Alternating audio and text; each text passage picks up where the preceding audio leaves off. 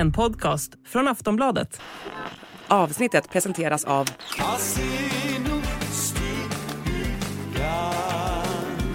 Stödlinjen.se, åldersgräns 18 år. Idag så ska vi prata om den kungliga bröllopsklänningen som varit försvunnen, men som nu har hittats. En mycket spännande historia som vi ska berätta. Och så ska vi prata om prins Harry som testat på stand-up. Och ja, han passade även på att ge en känga till brittiska kungahuset i sitt skämt. Och så ska vi även prata om kung Charles krav som han ställde på drottning Elizabeth innan hon dog och som kan vara anledningen till den stora förändringen. Det här är Kungligt. Jag heter Sara Eriksson. Och jag heter Jenny Alexandersson.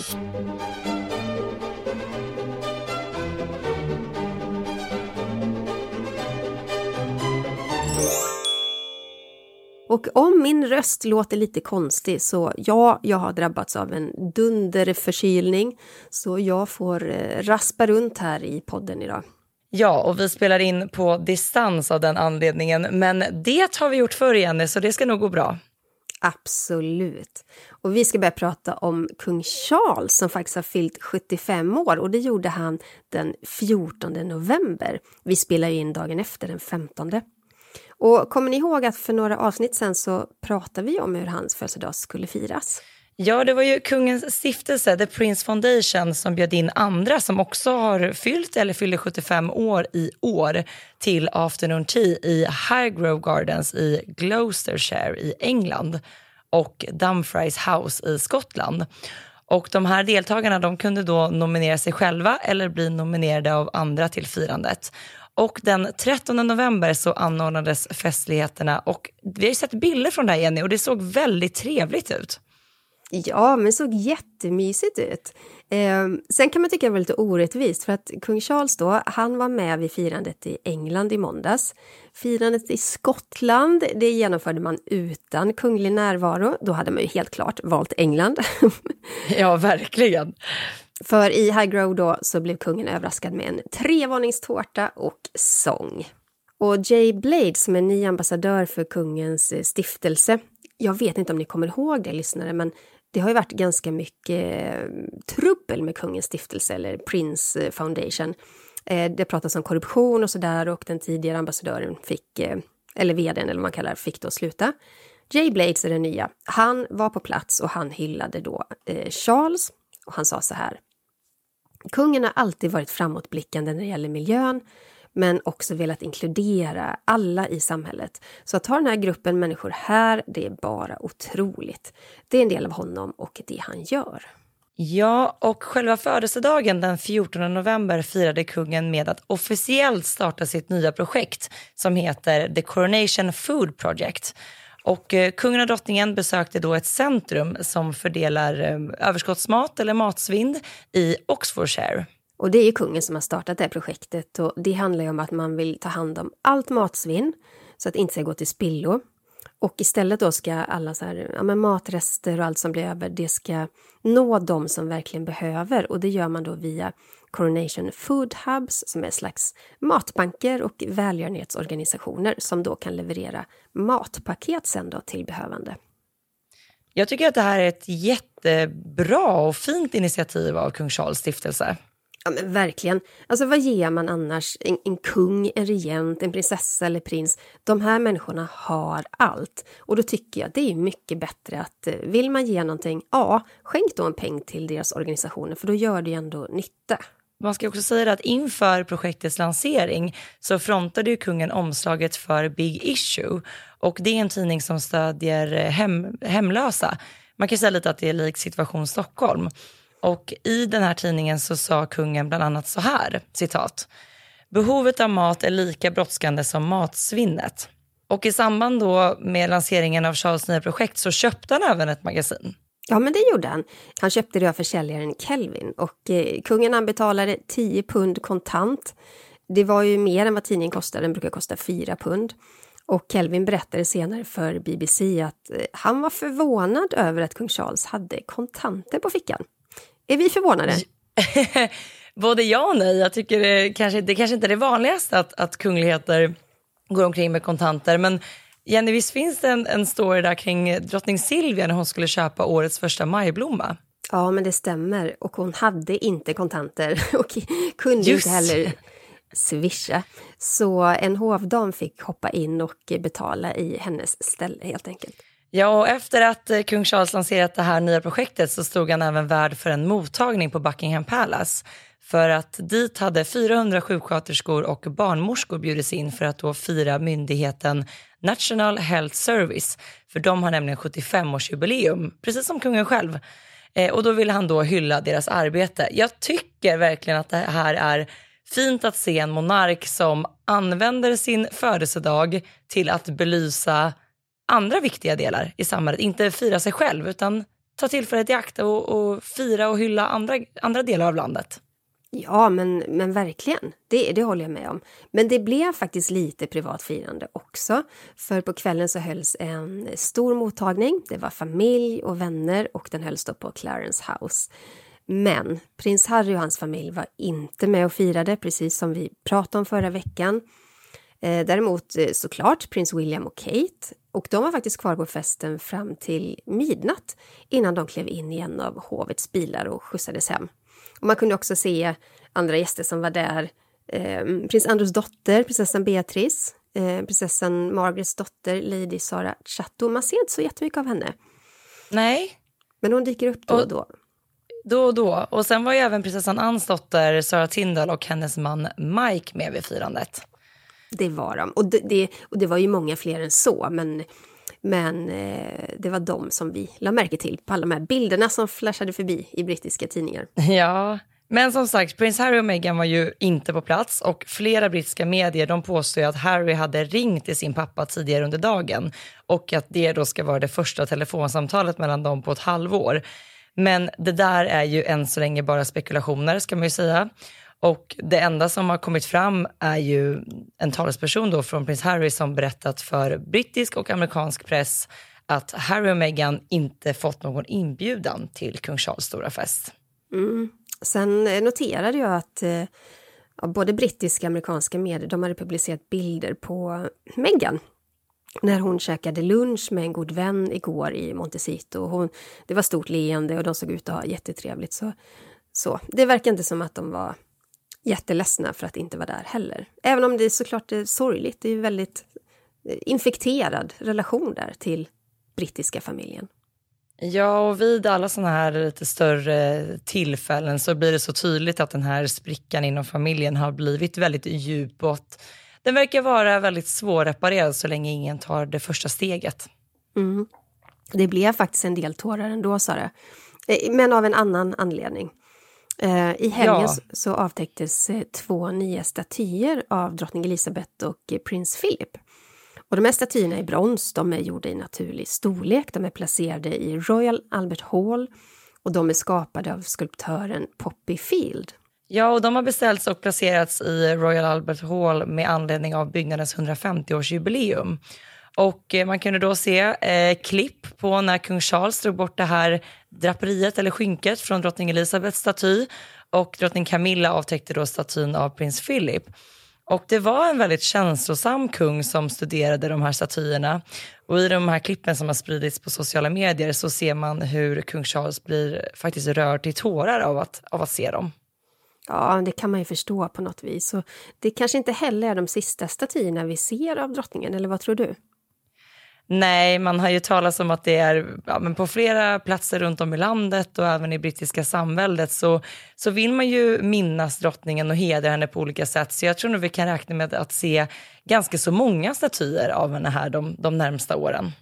Mm, ja, det tror jag också.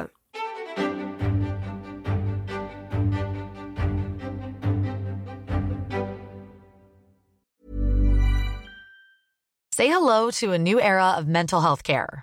Cerebral is here to help you achieve your mental wellness goals with professional therapy and medication management support. 100% online.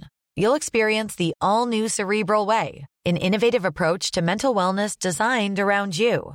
You'll get a personalized treatment plan from a therapist, prescriber, or both in a safe and judgment free space. Your Cerebral therapist or prescriber will outline a customized plan with clear milestones along the way so you can get to feeling your best. With Cerebral, you're not alone in your mental health journey. We're here to empower you to live a fulfilling life. So take that first step towards a brighter future and sign up today at cerebral.com slash podcast and use code ACasts to get 15% off your first month. Offer only valid on monthly plans. Other exclusions may apply. Offer ends July 31st, 2024. See site for details. När vi nu ändå pratar om drottning Elizabeth, vi får ju ofta frågor hit i podden gällande drottning Camillas titel. För det är ju så, när Charles och Camilla gifte sig 2005 då kommunicerade det brittiska hovet att Camilla en dag skulle få titeln Princess Consort. Och det är lite lägre kunglig status på den titeln än Queen Consort. Ja, och det här handlar ju mycket om att drottningtiteln den förknippades ju med Diana. Men i samband med drottning Elizabeths platinajubileum 2022 så kommunicerade ju Elizabeth att den dagen hon inte längre eh, var vid livet så önskade hon att se Camilla som Queen Consort. Och hon skrev även att hon ville att folket skulle ta emot Camilla då som en drottning. Men varför ändrade sig drottningen? Det är ju det som många har frågat sig och det är också många av de frågorna som vi får hit i podden. Och nu så påstår den före detta kungliga butlern Paul Burrell, ni vet han som tjänade Diana från 87 fram till hennes död 97. Han menar på att det ska ha inträffat en händelse mellan kung Charles och drottning Elizabeth och att den då ska ha lett till att drottningen tillät att Camilla skulle tituleras som Queen Consort. Ja, Paul säger då i en artikel i tidningen Express jag tror att folket i landet känner att Diana var den bästa drottningen vi aldrig hade och att det hade varit hennes rätta plats. Ja, och Paul menar ju att det var Charles som då ställde krav på drottningen gällande Camillas titel. Han säger så här, citat. Jag tror att Charles gick till sin mor och sa, om du säger detta kommer folket att lyssna och ta till sig det. Om du dör och jag förmedlar det så kommer ingen att acceptera det. Slutcitat. Och Paul menar att han har svårt att se att folket hade accepterat Camilla som drottning om inte beslutet hade kommit från Elisabeth innan hennes död. Och både ja och nej. Alltså vi pratade lite om det här innan Jenny, att det finns ju lite två sätt att se på det. Jag menar, bilden av Charles och Camilla har ju såklart förändrats sedan de gifte sig 2005. Idag har ju folket en helt annan acceptans gentemot dem som par och Camilla och ja, men, drottning Elizabeth har väl sett och förstått att Camilla är en mycket uppskattad medlem av kungafamiljen. Ja, och hon, hon hann ju också se att Camilla verkligen la själ och hjärta i sin nya roll och att eh, hennes son var väldigt lycklig med henne. Och det är klart att det ligger någonting i det att det blir en annan tyngd att hon som ja, regent, 70 år på tronen, säger att hon vill se Camilla som drottning än att Charles skulle ta det beslutet efteråt. Då hade man ju alltid gått och undrat, jaha, men går han emot sin mamma här? Men, mm. Eh, men, men jag tror också att eh, det finns så många dimensioner på den här frågan att eh, det vore också konstigt tycker jag att Camilla inte skulle bli drottning när hon, hon innehar den här rollen. Och, och det är på något sätt kanske också bättre att hon har en sån status som, som Queen Consort eller, eller Queen, eller Queen som man säger liksom när man pratar om det allmänt sådär.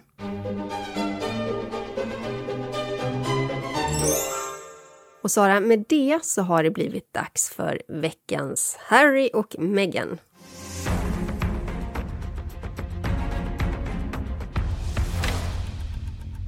Ja, förra veckan så gjorde prins Harry ett framträdande vid Stand Up for Heroes via ett videoklipp.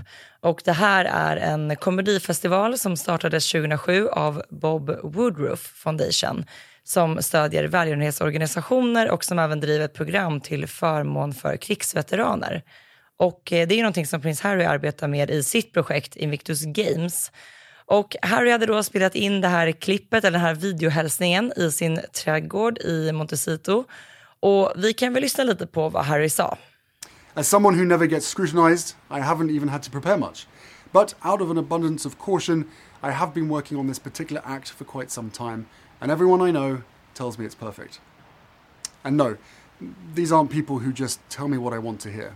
Oh no, these are people like my finance manager, my lawyer, and of course my Reiki healer. so we're not doing the thing? No. I thought that was going rather well. Och det är ju lite roligt för att i det här klippet då så, så eh, pratar Harry och så, så är det någon, man anar att det kan vara Meghan, som då sticker till honom ett manus. Och, och, samtidigt så säger han någonting om, om granskning. Eh, kan vi ta det som en pik mot brittisk press kanske?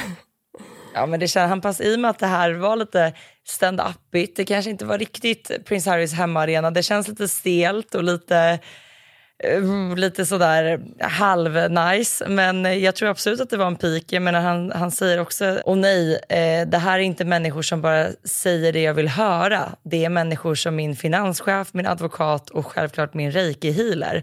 Och där finns ju då dels, jag tänker han har ju pratat så mycket i intervjuer och de här dokumentärerna om hur tillrättalagt allting har varit i det kungliga livet, att folk bara håller med en i ens närhet och så vidare. Och sen tänker jag också den här delen med reiki healer. Var det i, vilken tecknad serie var det som gjorde narr av han och Meghan när de pratade om det här? Eh, det kan vara eh, South Park, det kan också vara... Just ja. och, och hette den Good Guy eller något sånt där? Men i, i någon av de här tecknade serierna i alla fall, när man gör narr av Harry och Meghan, så nämns det här med reiki healer, om jag minns rätt. Och jag tror att Harry liksom vill skämta till det lite, ta udden av det när han nämner det i det här uttalandet. Men, men Sara, som du säger, han är ingen komiker. Det, det, det landar inte helt väl, tycker jag inte. Sen verkar det som att publiken på plats som fick ta del av det här klippet att de tyckte det var kul att, att prinsen närvarade. Men frågan är om det är just stand-up som är Harrys core. Men jag tänkte på en del i det här klippet så säger han så här. Huruvida vi bär uniform eller inte så måste vi fortsätta att upprätthålla de värden vi lärde oss sida vid sida. Där tänkte jag direkt, jag menar Harry är ju inte längre en del av det, det kungliga huset. Han har inte längre kvar sina hederstitlar inom militären. Eh, det där är nog någonting som verkligen för honom är en, en viktig del och känsla som han ville förmedla där. Absolut, jag menar eh, det militära livet, Försvarsmakten för Harry är enormt viktigt. Han har varit i Afghanistan på ett par rundor. Han vigde ju nästan sitt liv till en militär eh, karriär innan han klev, eh, tog klivet ur kungafamiljen. Att han blev av med sin uniform, att han blev av med sina hederstitlar, det gjorde ont. Det, det, så är det bara. Men, eh, men, men, men han, han, eh, man kan också lägga märke till att Harry bär ju inte eh, uniform i klippet. Han har ju inte rätt till det längre i och med att han inte är eh, medlem av kungafamiljen. Han har inte kvar de här heders... Eh, eh titlarna överhuvudtaget. Så han får bära kostym. Men man kan se att han ändå har satt då fyra medaljer på sitt bröst. Och Sara, en viktig medalj saknas, eller hur? Ja, för i samband med kung Charles kröning i år så tilldelades alla kungligheter en kröningsmedalj, så även Harry. Men den bar han inte nu vid sitt framträdande förra veckan. Och det här har ju väckt väldigt starka reaktioner, för tittar man då på till exempel hans bror, eh, prins William, senast förra helgen så bar han då den här nya kröningsmedaljen ihop med de andra medaljerna. Och brittiska medier och, och många därtill tycker ju då att det här är ytterligare liksom en, en pik eller en avhyvling mot det brittiska kungahuset. Att han då helt enkelt har valt bort att bära den här medaljen som symboliserar och hyllar hans pappa. Ja, och det, det är det väl på, på ett sätt ändå. Det är ju ingenting som sker av slumpen om, om Harry väljer att inte ta med den, alltså den nyaste medalj han har i sin ägo. Det är klart att det har symboliskt värde. Han vet ju också att precis alla kommer att snappa upp det, så det är klart att det är ett medvetet val.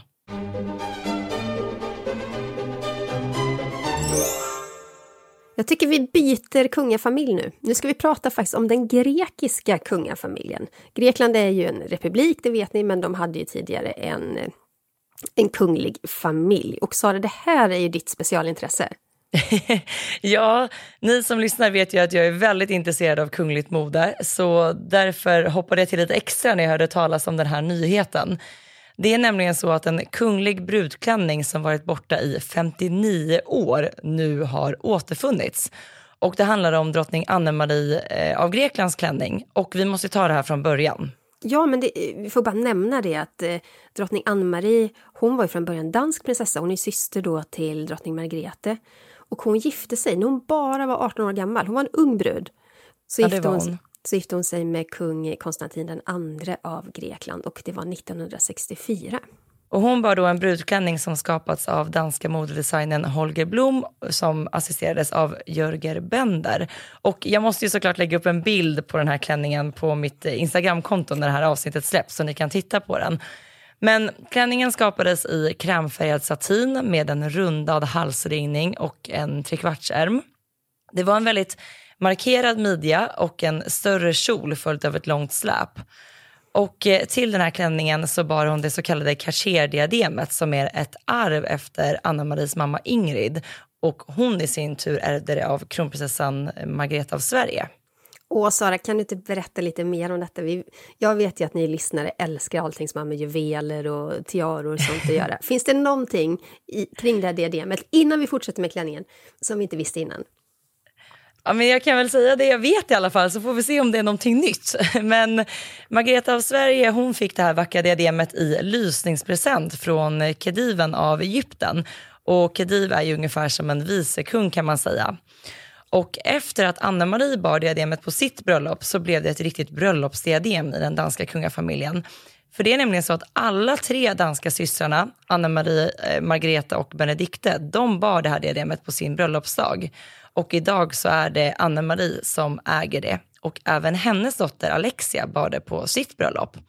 Och det här diademet då och även brudslöjan som Anna-Marie bar på sitt bröllop, det har gått i arv. Och eh, det har liksom förvarats på en säker plats. Men annat har det varit med den här brudklänningen. Ja, och en annan grej som är värd att nämna det är också att efter en folkomröstning 1973 så avskaffades ju monarkin i Grekland och kung Konstantin och hans familj tvingades i exil. Och innan de gick i exil så bodde de på Tatoi-palatset som ligger utanför Aten. Och det palatset det har varit hem för generationer av grekiska eh, kungligheter. Men när familjen flydde då så fick de ju överge palatset. Familjen lämnade kvar ganska många av sina ägodelar. Vissa återlämnats väldigt långt senare, men tusentals föremål blev kvar och bland annat då drottningens brudklänning.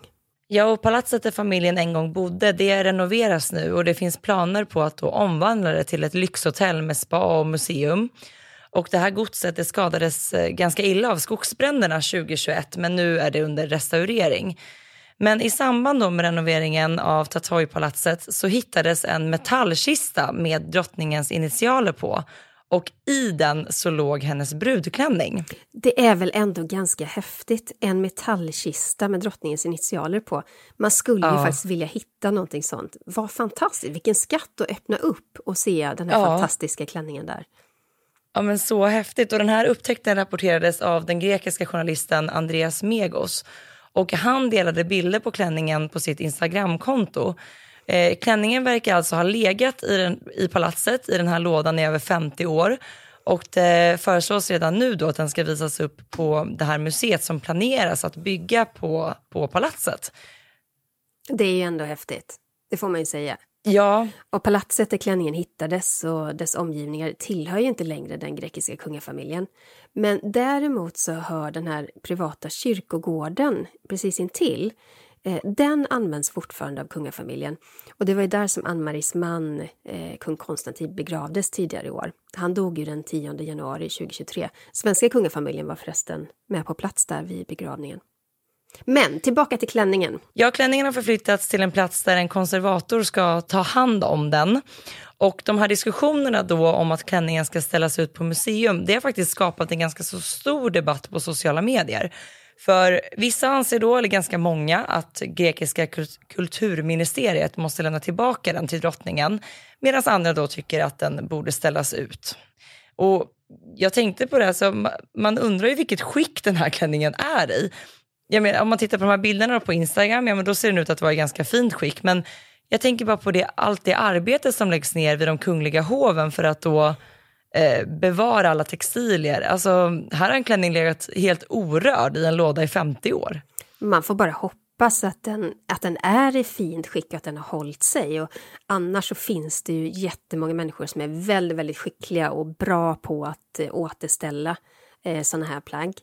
Ehm, jag tänkte också på det här när diskussionen om att lämna tillbaka den till Ann-Marie eller att ställa ut den. Det där är ju en knivig fråga. Det är klart att den har ju liksom ett personligt, mycket stort värde för drottningen såklart, men samtidigt så hoppas en del av mig att fler ska kunna få se den och då är ju en utställning perfekt. Vi hade ju en utställning på, eh, ja men här i Stockholm på, på Kungliga slottet där man kunde se alla kungliga brudars klänningar. Det var ju en fantastisk utställning som, som, som hovet hade anordnat. Ja, men det hade varit kul att se den. Det är alltid roligt att få komma nära de här kungliga bröllopsklänningarna. Man har ju, har ju mest sett dem på bild och på klipp, så att, att få se dem i detalj, det är någonting alldeles extra. Men jag kommer såklart att ha koll på den här storyn och hålla er uppdaterade. Det litar jag på, Sara. Lovar.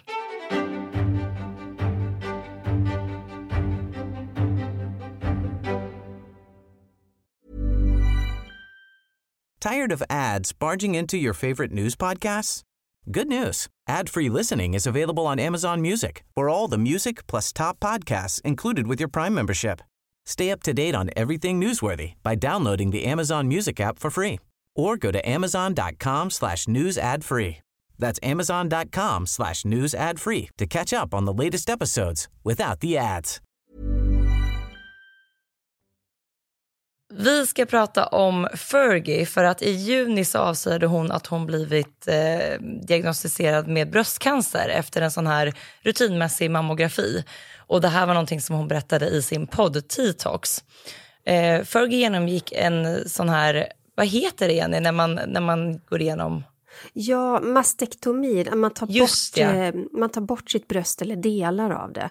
Och eh, hon har ju varit jätteöppen med detta. Hon har delat uppdateringar om sin behandling och återhämtning på sociala medier. Hon har pratat mycket om stödet från döttrarna, prinsessorna Beatrice och Eugenie. Så att, och hon, jag, måste tycka, jag måste säga att hon är en förebild i detta att, att verkligen prata om det. Fler behöver prata om det.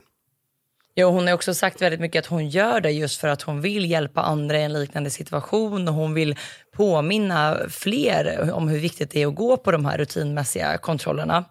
Men förra veckan då så närvarade hon vid invigningen av en ny, ny superlyxig restaurang, eh, The Wolseley i London. Och vid invigningen så berättade hon för The Independent hur hon mår idag. Ja, men hon säger så här att jag har alltid mött motgångar och lycka på samma sätt. Jag blickar framåt, jag påmin påminner mig om att oavsett vad som händer så är jag lyckligt lottad. Och så många andra står inför mycket större utmaningar. Och hon berättar även att hon känner sig välsignad och att hon faktiskt mår bra idag.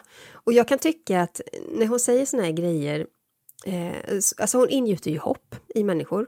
Och också att eh, jag tycker man möter så många som har gått igenom svåra saker och riktigt eh, tuffa sjukdomar att de får en sån här helt annan känsla för livet. Och att man verkligen så här tar vara på den tiden som man har. Jag tycker det lyser igenom hos henne också att hon verkligen gör det. Men jag gillar verkligen den här, dels är man ju såklart jätteglad att hon, att hon mår bra idag, men jag gillar också den här, Fergie har alltid varit sån, hon pratar väldigt öppet i media och liksom berättar hur hon faktiskt mår och liksom så här, jag, jag gillar verkligen den sidan av henne. Och Sara, på tal om Fergie, vi måste prata om hennes exman. Hon lever ju fortfarande med skandalprinsen Andrew Ja. på Royal Lodge. Och eh, det är ju en stor, enorm villa. Jag tror de har 30 rum eller någonting att dela på. Det är inte så dumt. Nej, och ni som lyssnar, ni har ju koll på att prinsen sedan slutet av 2019 inte längre är en arbetande kunglighet. Eh, det då efter att vänskapen med pedofildömde Jeffrey Epstein uppdagades samt de här våldtäktsanklagelserna som riktades mot prinsen och som faktiskt slutade i en förlikning med eh, Virginia Giffrey. Och även om det är mycket osannolikt eller nästan till omöjligt att prinsen kommer att återvända som en arbetande kunglighet så verkar det nu som att han jobbar bakom kulisserna och det handlar då om hans döttrar. Ja, men det är ju ändå så. Prins Andrew han är ute i kylan efter alla skandaler och det leder ju till att det är svårt för hans eh, två döttrar att få sina röster hörda. De puttas ju ut lite grann de också. Och så påstås det ju att hans bror, kung Charles, kommer dra åt svångremmen när det gäller eh, ekonomin, utbetalningarna till sin bror. Tidigare så har ju Andrew fått ta del av Privy Purse och det är kung Charles inkomster från hertigdömet eh, Lancaster. Och det är ju så, varje år så har prins Andrew fått ungefär 3,4 miljoner kronor av sin brorsa. Det är rätt mycket pengar, man kan klara sig ganska långt på det. Ja, och man kan klara sig ganska kort utan dem kan man säga. och, och även då om, om Andrew är ut ur den kungliga värmen så har ju döttrarna kvar sina titlar. De är ju inte heltidsarbetande kungligheter utan har andra vanliga jobb vid sidan av. Men de genomför då och då kungliga uppdrag, inte minst när det kommer till välgörenhet.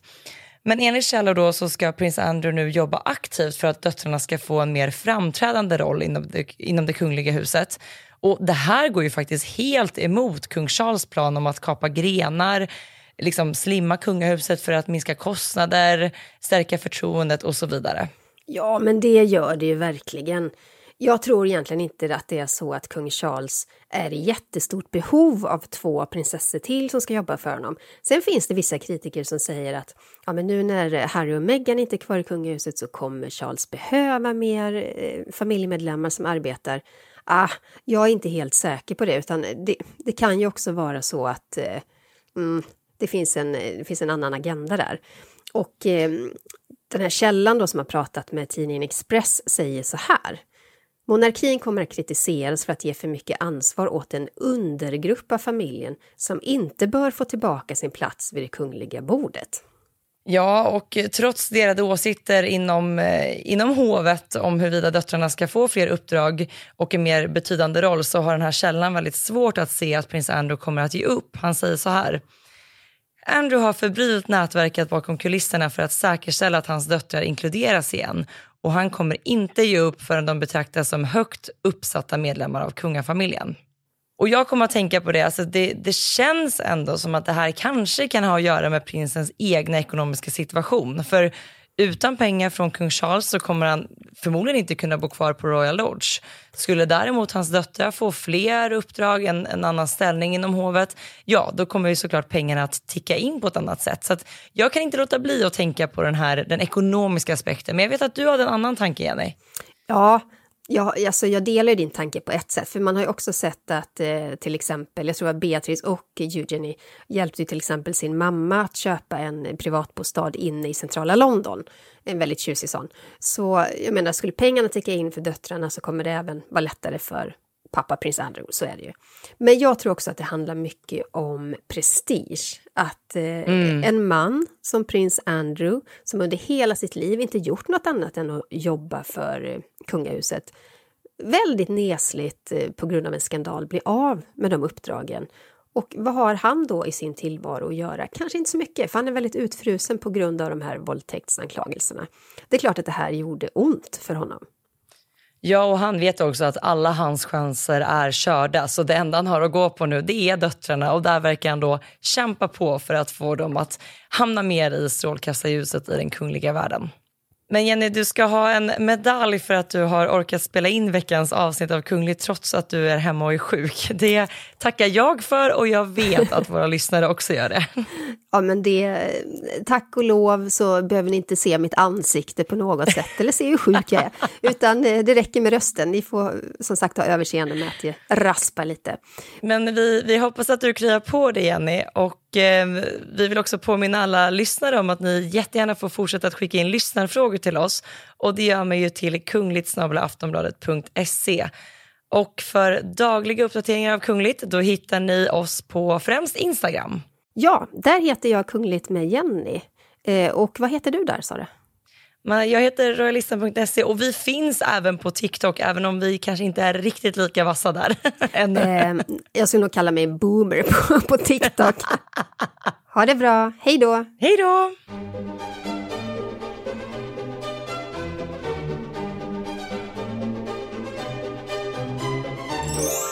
Du har lyssnat på en podcast från Aftonbladet. Ansvarig utgivare är Lena K Samuelsson. This message comes from BOF sponsor eBay. You'll know real when you get it. It'll say eBay Authenticity Guarantee. And you'll feel it. Maybe it's a head turning handbag, a watch that says it all, jewelry that makes you look like the gem, or sneakers and streetwear so fresh every step feels fly. eBay gets it. So look for the blue check mark next to that thing you love and be confident that every inch, stitch, sole, and logo is checked by experts. With eBay Authenticity Guarantee, you can trust that feeling of real is always in reach. Ensure your next purchase is the real deal. Visit eBay.com for terms.